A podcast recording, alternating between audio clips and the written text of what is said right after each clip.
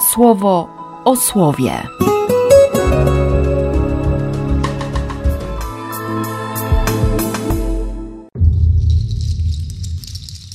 Osiemnasty czerwca, piątek. Z drugiego listu do Koryntian. Co czynię, będę i nadal czynił, aby odebrać okazję tym, którzy pragną okazji, żeby w sprawach, którymi się chlubią, okazać się takimi jak my. Bo oni to fałszywi apostołowie, podstępni robotnicy, przebrani za apostołów Chrystusa. I nic w tym dziwnego, bo nawet szatan przebiera się za anioła światła. A zatem nic w tym wielkiego, jeśli również jego słudzy przebierają się za sługi sprawiedliwości. Ich koniec będzie według ich czynów. Jeszcze raz mówię, niech mnie nikt nie uważa za szaleńca. A jeśli nawet, to i jako szaleńca mnie przyjmijcie, bylebym i ja mógł trochę się pochwalić. Co tu teraz mówię, nie pomyśli Pana mówię, lecz jakby w ogłupieniu, w takim chełpliwym przeświadczeniu. Skoro wielu się chwali tym, co cielesne, to i ja zacznę się chwalić. Bo przecież z zadowoleniem znosicie głupców, sami będąc rozumni. Znosicie, gdy ktoś was zniewala, gdy ktoś obiada, gdy ktoś was sobie zawłaszcza, gdy ktoś się pychą unosi, gdy ktoś was bije po twarzy. Niechlubnie to mówię, tak jakbyśmy byli chorzy. Jeśli tam ktoś taką pewność siebie okazuje, to i ja będę pewny siebie. Hebrajczykami są? Ja też. Izraelitami są? Ja też. Potomstwem Abrahama są? Ja też. Sługami Chrystusa są? Całkiem głupieje, mówiąc ja bardziej. Daleko bardziej przez znoje, daleko bardziej przez uwięzienia, zdecydowanie więcej przez znoszenie chłost, częściej przez groźby śmierci. Pięciokrotnie od Judejczyków chłostę otrzymałem czterdziestu razów bez jednego. Trzy razy rózgą byłem sieczony, raz kamieniami obrzucony, trzy razy byłem ofiarą rozbicia się okrętu.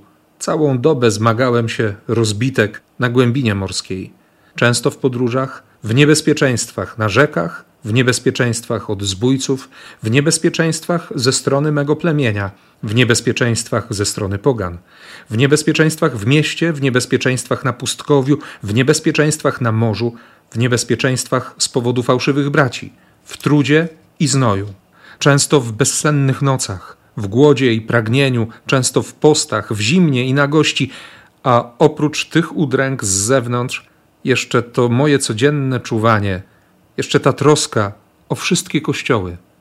Kto opada z sił, bym i ja z sił nie opadał. Kto jest zgorszony, bym ja nie płonął. Skoro chwalić się trzeba, chwalił się będę tym, co wynika z mojej słabości. Bóg i Ojciec Pana naszego Jezusa, ten, który jest błogosławiony na wieki, wie, że nie kłamie.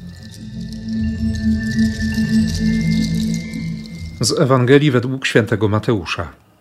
Nie chowajcie sobie skarbów na ziemi, gdzie mól i gryzoń niszczą i gdzie złodzieje włamują się i kradną. W niebie skarby sobie chowajcie, gdzie ani mól, ani gryzoń nie niszczą i gdzie złodzieje się nie włamują i nie kradną. Gdzie bowiem jest Twój skarb, tam będzie i serce Twoje. Lampą ciała jest oko. Jeśli więc Twoje oko będzie zdrowe, całe Twoje ciało będzie oświetlone. A jeśli Twoje oko będzie zepsute, całe Twoje ciało pogrążone będzie w ciemności. Jeśli zatem to światło w Tobie będzie ciemnością, jakże wielka to ciemność.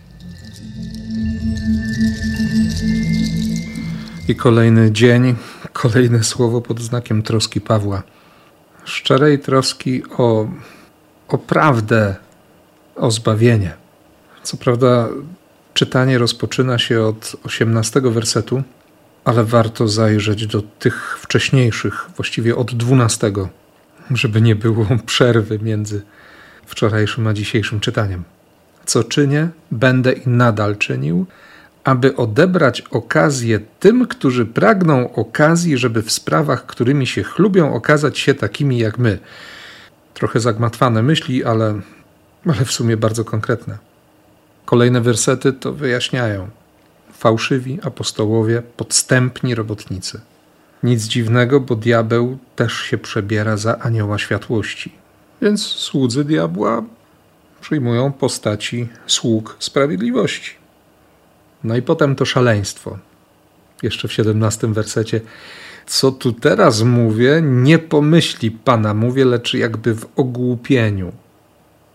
Ale skoro do Koryntian nic innego nie dociera, to Paweł po przedstawieniu tych wszystkich powodów do chluby powie konkretnie: Skoro chwalić się trzeba, chwalił się będę tym, co wynika z mojej słabości. Bóg i Ojciec Pana naszego Jezusa, ten, który jest błogosławiony na wieki, wie, że nie kłamie. Takie szaleństwo. Ale stawka jest bardzo wysoka. Naprawdę chodzi o zbawienie. Nawet jeśli wydawało się przez kilka rozdziałów, że, że powodem napisania tego listu jest kolekta na rzecz ubogich i chorych w kościele jerozolimskim, to ostatnie rozdziały pokazują, o co chodzi naprawdę. Paweł zrobi wszystko, żeby ich uratować. Zacznie używać argumentów, którymi by się wcale nie posługiwał. Ale jak to mówią, gra jest warta świeczki. I nie chodzi wcale o zasadę, że cel uświęca środki, bo środki nie są niegodziwe. Paweł na to by się nie zdobył. On po prostu ma tę swobodę, której używa, aby zwrócić uwagę na to, co najważniejsze, na tego, który jest najważniejszy. Uciekając do ostatniego rozdziału tego listu, zadaje sobie samemu to pytanie, które Paweł zadał chrześcijanom w Koryncie. Czy poznajecie po sobie, że Jezus Chrystus jest w Was? Chyba nie brak Wam takiego dowodu. Badajcie siebie, czy trwacie w wierze. Przypomina mi się jeszcze inne zdanie z Apokalipsy, pierwszy list do kościoła w Efezie. Przypomnij, że sobie skąd spadłeś.